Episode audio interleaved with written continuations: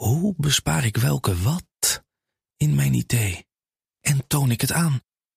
Lenklen, Virtuf Partner. Lenklen, betrokken expertise, gedreven innovaties. Goedemorgen, dit is de Week van Energia op vrijdag 16 februari. Ik ben Ilse Akkermans en bij mij in de studio is Katrijn de Ronde, redacteur van Energia. Welkom Katrijn. Goedemorgen. We hebben het deze week over de financiële tegenvallers in het document van formateur Ronald Plasterk. Ongeveer een kwart van de ruim 80 pagina's gaat over de thema's klimaat en energie. Wat er allemaal dreigt tegen te vallen op het gebied van klimaat en energie, vertelt Katrijn zometeen. Maar eerst kijk ik weer met hoofdredacteur Wouter Hielkema naar ander nieuws van deze week. En ook Wouter is in de studio. Goedemorgen Wouter. Goedemorgen Ilse. Welke onderwerpen sprongen voor jou uit in het energienieuws van deze week? Nou, uiteraard even de salderingsregeling. De Eerste Kamer stemde tegen de afbouw van deze regeling. Uh, het was geen verrassing meer, maar uh, toch verrassend. Het betekent dat de salderingsregeling blijft bestaan. Daar gaan we straks over praten wat dat betekent. Verder het meerjarenprogramma Infrastructuur, Energie en Klimaat, oftewel het MIEK. Dat bevat sinds afgelopen jaar ook projecten in de woningbouw, in de mobiliteit, in de landbouw. In plaats van dat het alleen maar toeziet op de verduurzaming van de industrie. Dat schrijft minister Jette in een jaarlijkse update. En Nederland verbruikte dit jaar, nee, vorig jaar moet ik zeggen, opnieuw minder aardgas. En de herkomst van het aardgas is afgelopen twee jaar drastisch veranderd. De Verenigde Staten zijn nu het belangrijkste aanvoerland voor, uh, voor Nederland. Terwijl de import vanuit Rusland uiteraard flink verminderd is, maar niet naar nul is. Daar gaan we het straks ook over hebben. Cijfers van het CBS. Ja, we beginnen met de salderingsregeling. Veel in het nieuws deze week. De Eerste Kamer heeft inderdaad tegen de afbouw van de regeling gestemd. En de doorslaggevende stem was van GroenLinks PvdA. Die partij maakt zich zorgen over de terugverdientijd. We bespraken het al vorige week in onze vorige aflevering. Uh, Wouter, ja, de senaatsfractie van GroenLinks PvdA die had de minister nog een extra Kamerbrief gevraagd over de salderingsregeling. Ja. Maar die bood dus geen soelaas. Nee, inderdaad. Um, ja, we konden dit onderwerp even niet, niet negeren. We hebben het nu inderdaad voor de derde keer op rij hebben we het erover in deze podcast. Maar uh, ja, nu, nu is toch echt de uitkomst er. Vogel door de um, kerk. Precies. Vorige week sprak de Eerste Kamer erover. Daar leek de deur nog even op een kier te staan. En GroenLinks PvdA had uh, minister Jette nog om, demissionair minister Jette nog om een brief gevraagd. Um, waarin hij nog eens uh, zou toelichten hoe die terug verdientijd, want dat is voor, voor uh, GroenLinks PvdA belangrijk, hoe die terugverdientijd berekend is. Hè. Mm -hmm. GroenLinks PvdA vindt het belangrijk dat uh, investeren in zonnepanelen nog steeds blijft renderen. Dus de terugverdientijd, hoe snel je die investering terugverdient, is belangrijk. Nou, Jette zegt die is uh, ongeveer zeven jaar en uh, maximaal negen jaar. En er zijn allerlei waarborgen voor. Mm. Um, dat heeft hij nog een keer op een rijtje gezet, maar hij heeft daar geen nieuw beleid aan toegevoegd, geen nieuwe berekeningen toegevoegd. En dat maakte dat GroenLinks PvdA, uh, Vert Kronen sprak ik mee, senator namens GroenLinks PvdA, daar toch echt niet mee, uh, mee kon instemmen. En aangezien ja, instemming van GroenLinks PvdA nodig was om het wetsvoorstel aan te nemen, is het dus niet aangenomen en blijft de salderingsregeling bestaan. Ja, en de stimuleringsregeling die was bedoeld als tijdelijk en die blijft dus nu bestaan. Wat zijn daarvan de gevolgen? Ja, hij, li hij lijkt permanent te worden. Hè? Hij zou bij invoering in 2013, hè, hij bestaat al langer, maar in 2013 is het eerste wetsvoorstel waar die echt uh, in, uh, in naar voren kwam. Mm -hmm. Daar werd al gezegd van het is een tijdelijke maatregel, zou in 2017 worden afgeschaft. Uh, dat werd verschoven naar 2020, dat werd verschoven naar 2025, geleidelijke afschaffing. Ja, en dat is nu ook van de baan. Ja, wat de gevolgen zijn, dat is een beetje afhankelijk van wie het vraagt. Hè. Er zijn uh, gepassioneerde tegenstanders um, hè, die, die tegen deze regeling zijn. Die zeggen van ja, hij heeft, hij heeft goed gewerkt. Hij heeft gezorgd dat Nederland wereldkampioen zonnepanelen is. Maar nu is, die, is het gewoon een overstimulering. Mm -hmm. Het zorgt ervoor dat zonnepaneelbezitters oneigenlijk bevoordeeld worden ten opzichte van niet-zonnepaneelbezitters. Dus mensen met zonnepanelen die worden er financieel wijzer van de mensen zonder zonnepanelen. En dat wordt betaald door die mensen zonder zonnepanelen. Nou, dat is een beetje een ingewikkelde discussie hoe dat precies zit. Um, kan je op Energia nalezen of in een vorige podcast even terugluisteren. Maar dat, dat blijft nu dus bestaan. Dus die ongelijkheid blijft ook bestaan. Nou, ja. daarbij zorgt de salderingsregeling ervoor dat uh, je niet gestimuleerd wordt om zonne-energie te gebruiken op het moment dat het opgewekt wordt. Dat wordt ook door tegenstanders uh, als nadelig gezien. Mm -hmm. Uh, ja, en de overheidsfinanciën, dat is ook iets wat, wat um, in stand blijft. En ja, het is eigenlijk, hè, met name energieleveranciers lopen er ook tegen de hoop, tegen de hoop. Die, die moeten die kosten van die goedkope zonnestroom in de zomer wegstrepen tegen dure, dure stroom, afnamestroom in de winter. Mm -hmm. um, zij moeten dat op een of andere manier verrekenen. Um, dus ja, het is eigenlijk dat die salderingsregeling nu blijft bestaan. is een uitnodiging aan de energieleveranciers om met ja, uh, terugleverkosten uh, of andere heffingen te komen naar, naar hun klanten toe met ja. zonnepanelen. Ja, een aantal doen dat al hè?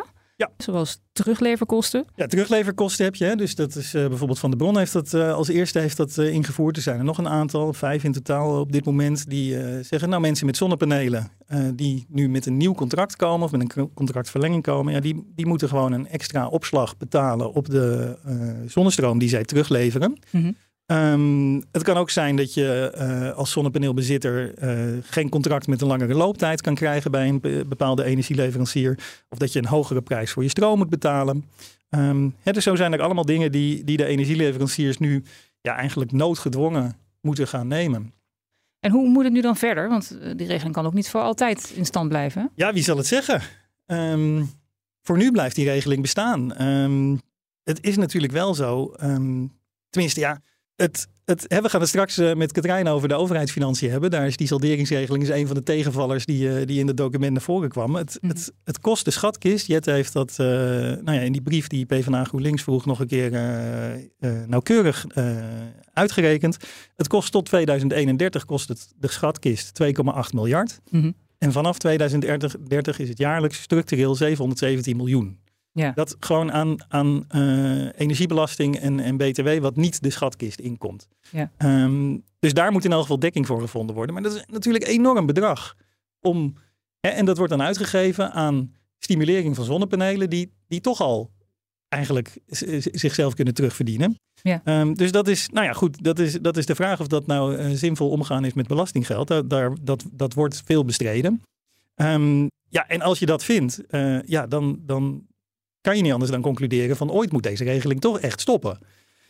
Um, maar ja, wanneer? Uh, hebben, in België is bijvoorbeeld, is, is die regeling ja, bijna van de een op de andere dag is die een keer gestopt.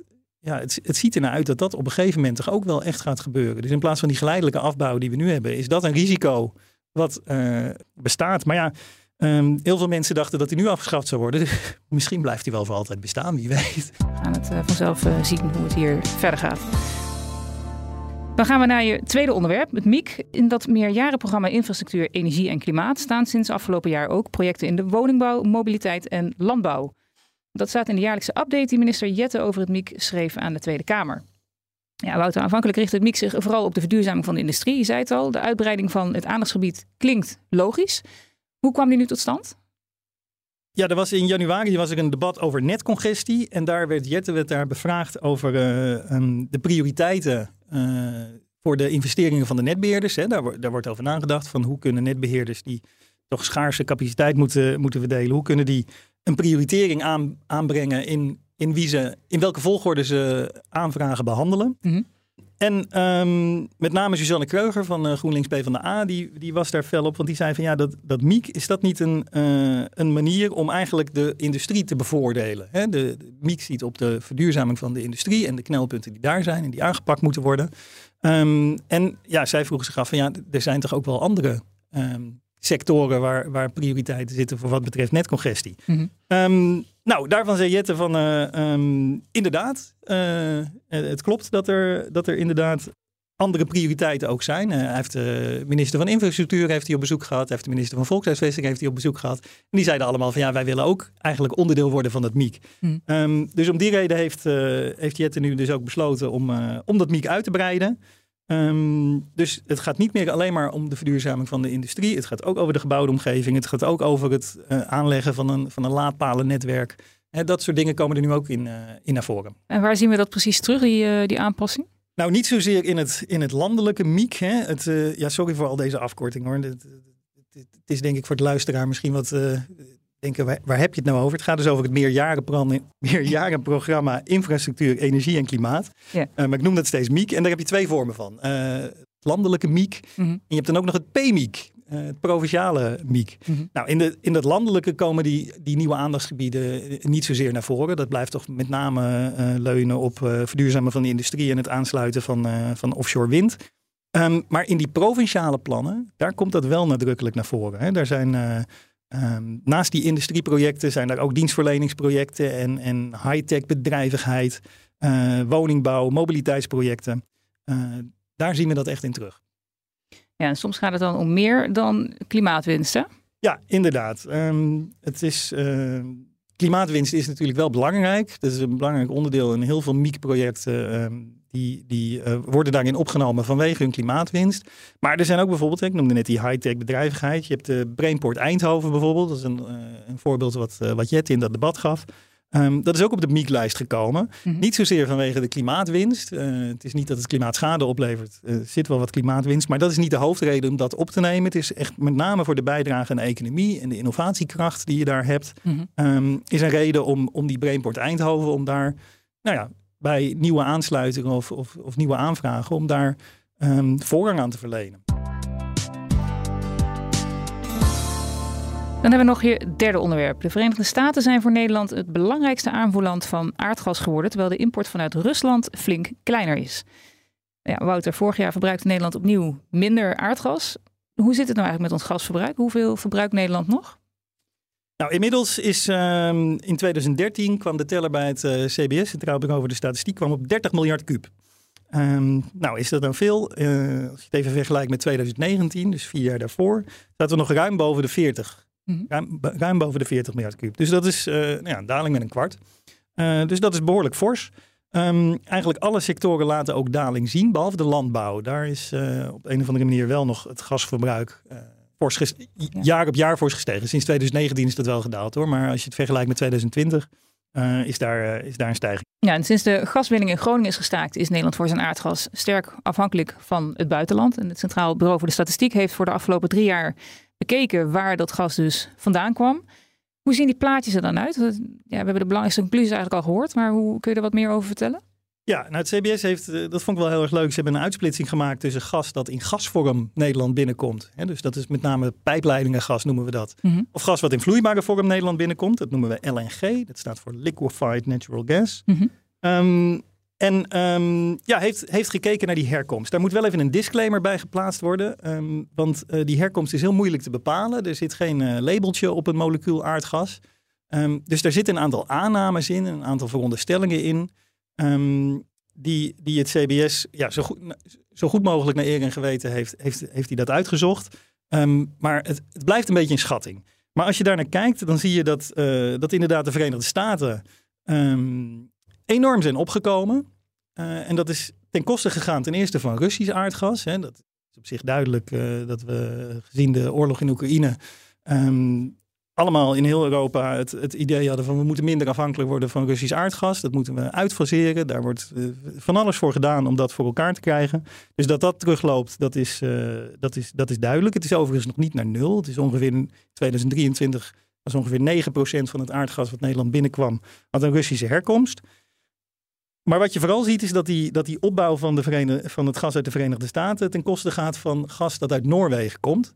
Um, nou, dat is op, op, zich opmerkelijk, want in Europa streven om van Russisch gas onafhankelijk te worden, is Noord Noorwegen natuurlijk een hele belangrijke speler. Dat, uh, daar zitten grote reserves, um, grootste reserves van Europa. Um, maar wat je ziet is dat Noorwegen veel meer is gaan leveren aan Duitsland. Duitsland heeft, uh, is dat wel aan het opbouwen, maar heeft heel weinig LNG-importterminals. Dus die kan niet goed vloeibaar gas ontvangen. Mhm. Ehm, maar is, heeft, heeft wel een grote gasbehoefte. Ehm, en heeft eigenlijk al het gas wat, uit, wat extra uit Noorwegen komt, dat blijft een beetje in Duitsland hangen. En dus ook heel veel gas wat vroeger vanuit Noorwegen naar Nederland kwam, gaat nu naar Duitsland. Waarom? Omdat Nederland wel heel goed die LNG-importcapaciteit op orde heeft. We hebben ten eerste in Rotterdam de, de Gate Terminal. Um, daarbij hebben we in Eemshaven, heeft uh, minister Jette samen met GasUnie, heeft daar uh, nou ja, in, in, een vloek en een zucht twee drijvende importterminals uh, neergezet. En dus onze LNG-ontvangstcapaciteit is heel goed. En daarom zijn wij um, um, nou ja, LNG-gas gaan ontvangen. Nou, de Verenigde Staten zijn tegenwoordig een hele belangrijke producent van aardgas. En hebben veel geïnvesteerd in exportterminals voor LNG. En nou ja, er is ook met, uh, met president Biden is er op hoog niveau zijn er afspraken gemaakt. Um, dus heel veel Amerikaans gas komt nu naar Europa en landt dus ook aan in Nederland. En Rusland levert dus nog altijd een, een belangrijk deel van het aardgas voor Nederlands gebruik. Maar sinds de inval in Oekraïne gelden wel allerlei sancties. Hoe kan dat eigenlijk, dat, dat nog zo'n groot deel van het, onze aardgas nog steeds uit dat land komt? Ja, gas valt niet onder de sancties. Uh, dat is eigenlijk het, het, het korte antwoord. Um, nu heeft uh, uh, Europa natuurlijk wel gezegd van laten we die afhankelijkheid van Rusland wel zo snel mogelijk afbouwen. Dat gebeurt ook. Zeker Nederland is daar ook voortrekker in. minister Jette die, die heeft ongeveer een jaar geleden um, wel trots gemeld van we zijn als Nederland niet meer afhankelijk van Russisch aardgas. Nee, dat klopt, maar het zit nog wel in ons systeem. Mhm. Ehm, er wordt ook, hè, want er wordt onderscheid gemaakt, net als het CBS dat nu deed, tussen uh, pijpleidingen gas en LNG-gas. Ehm, ook van LNG wil Nederland eigenlijk af, van Russisch LNG. Ehm, maar je ziet bijvoorbeeld dat België um, heel veel Russisch LNG-gas ontvangt. Dat, dat is, uh, nou, heeft te maken met contracten waar, waar juridisch je niet onderuit kan komen. Mhm. Ehm, en via België komt ook dat Russische gas weer makkelijk Nederlands in, Nederland in. In de CBS-cijfers heet dat gewoon Belgisch gas. Want het is in België als LNG ontvangen. Vervolgens daar, daar weer gasvormig gemaakt. En dan mhm. gaat het via de pijpen Nederland in. Ja, dan, dan geldt dat bij het CBS als Belgisch gas. Dus het aandeel Russisch gas ligt nog wel wat hoger dan die 9%. Mm uh, als je echt, echt naar de herkomst van moleculen kijkt.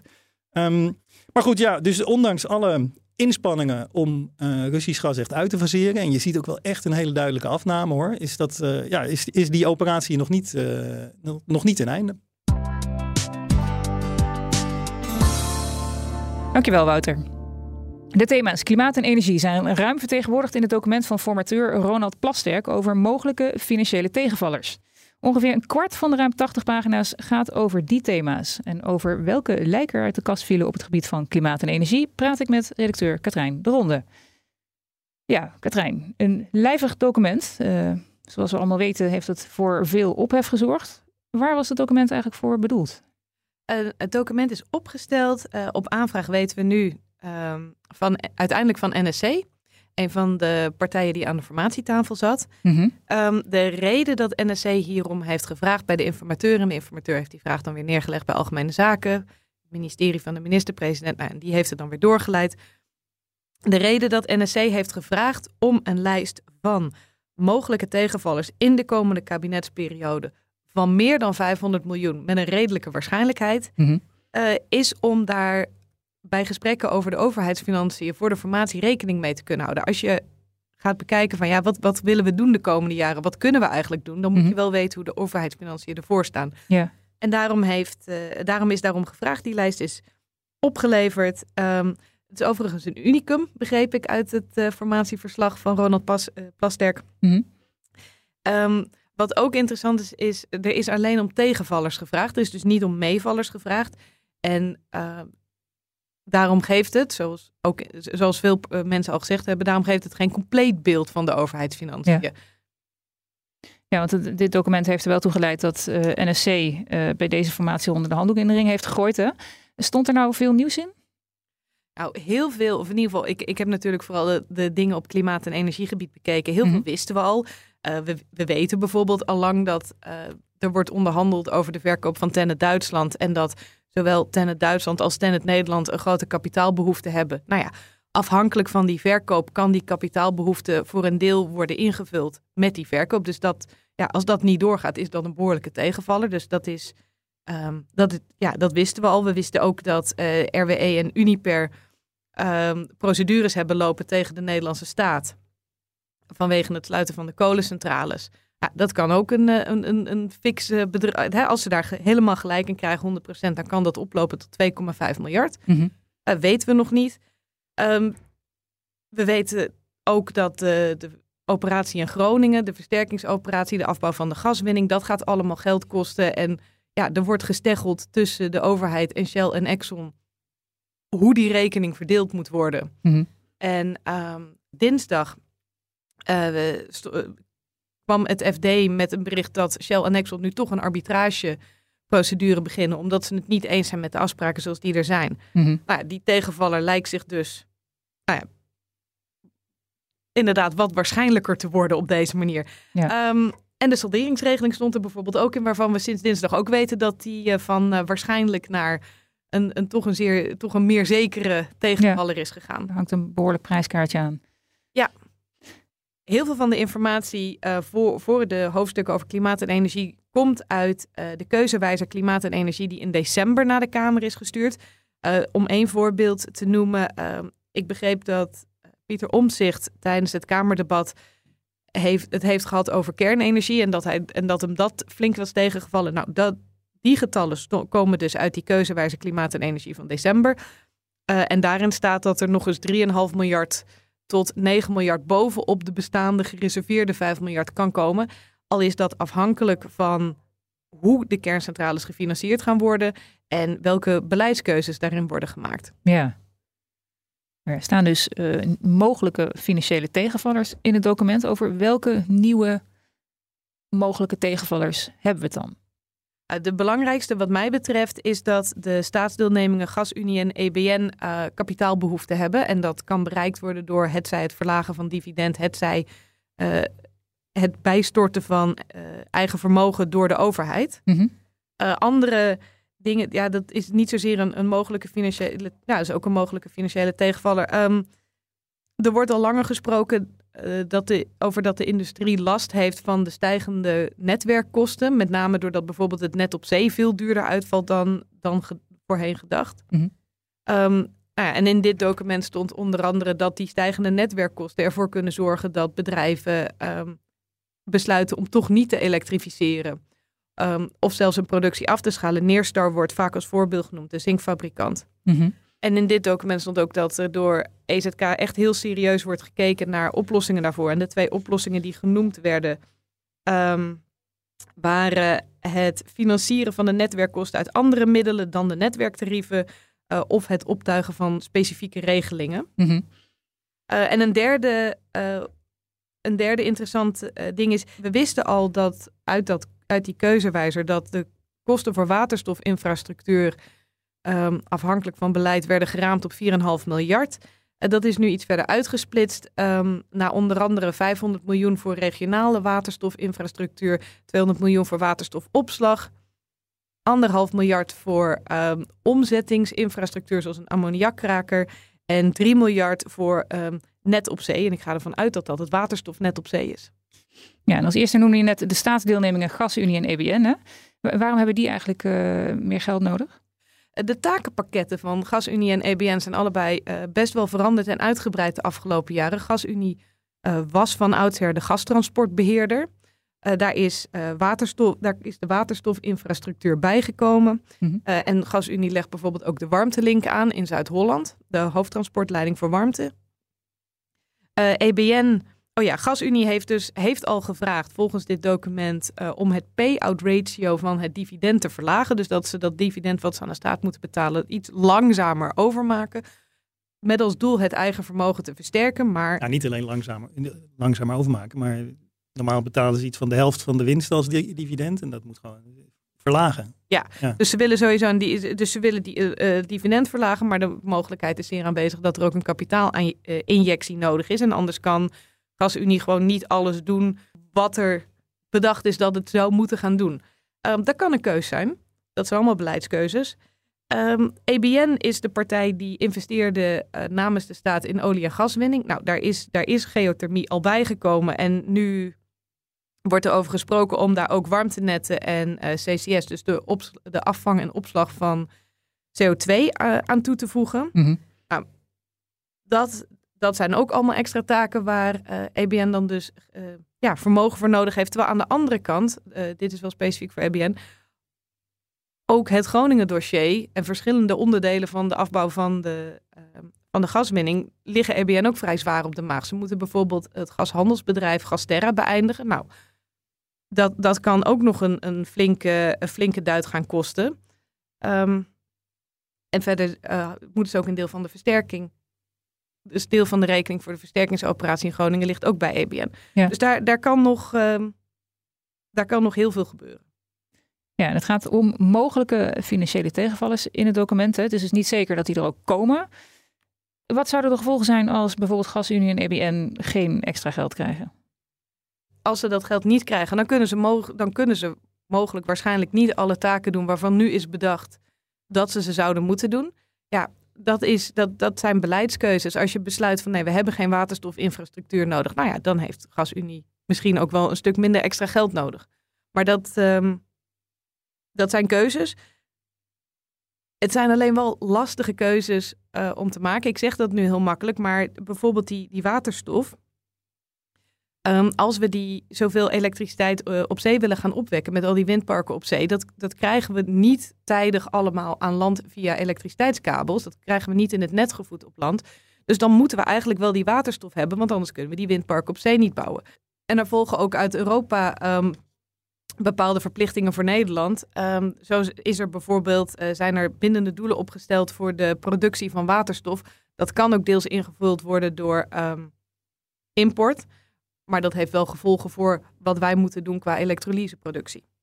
Ja, um, grijpt allemaal in elkaar. Ja.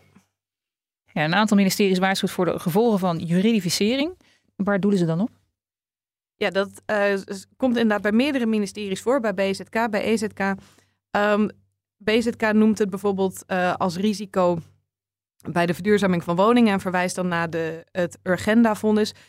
Um, maar je hebt ook bijvoorbeeld de arbitrageprocedures die nu lopen uh, met RWE en Uniper, maar ook um, die Shell en Exxon dus net zijn begonnen. Je, je, ze zien dat op verschillende niveaus mensen naar de rechter stappen om bepaalde zaken af te dwingen. Mm um, en ja, als de rechter, afhankelijk van wat de rechter dan besluit, heeft dat financiële consequenties. Mm -hmm. um, een belangrijke is uh, het proces dat de Portugese jongeren hebben aangespannen bij het Europese Hof van de Rechten voor de Mens. Als zij daar namelijk, dat is een soort klimaatvonnis, uh, of een soort agendazaak is dat. Als zij daar gelijk krijgen, uh, dan is dat een bindende uitspraak voor de EU. Dus dan mm -hmm. moet ook Nederland daaraan voldoen. Ja, en wat gaat er nou met dit document gebeuren eigenlijk? Want het is, het is dus aangevraagd door NSC. NSC is uh, uit de formatie gestapt. Ja, ik heb ook hoe, geen idee. Hoe nu verder? ik heb geen idee. Um, het, het ligt op tafel, het is bekendgemaakt. We weten het nu allemaal. Een groot deel wisten we al, maar de lijst staat. Het staat nu allemaal netjes onder elkaar van, van wat het allemaal is. Je ziet dat sommige dingen al zijn verschoven van waarschijnlijk naar zeker. Ja, ik denk dat het afhangt van de rest van de formatie. Nou ja, en je moet er natuurlijk een lijst met uh, potentiële meevallers naast leggen. Dit zijn alleen de tegenvallers, maar je kan natuurlijk ook op potentiële meevallers rekenen. Die moet, die moet nog worden aangevraagd. Nou ja, uh, waarschijnlijk ja. Het is, wat Katrijn eerder al zei, dit is voor het eerst dat dit zo is uitgevraagd. Ja. Ik kan me voorstellen dat, dit, maar dit speculeer ik van mijn kant hoor, maar dat in het vervolg van de formatie even wordt gezegd van nou leg je nou ook even wat meevallers naast. Dan hebben we tenminste een compleet beeld. Ja. Dank jullie wel voor jullie bijdrage, Wouter en Katrijn. Dit was de Week van Energia met de laatste ontwikkelingen in de Nederlandse energiesector. Op energia.nl lees je meer. Vond je het leuk om te luisteren? Dan doe je ons een groot plezier als je deze aflevering deelt in je netwerk of op sociale media met de hashtag Energia. Mijn naam is Ilse Akkermans. Fijn dat je weer luisterde en tot volgende week.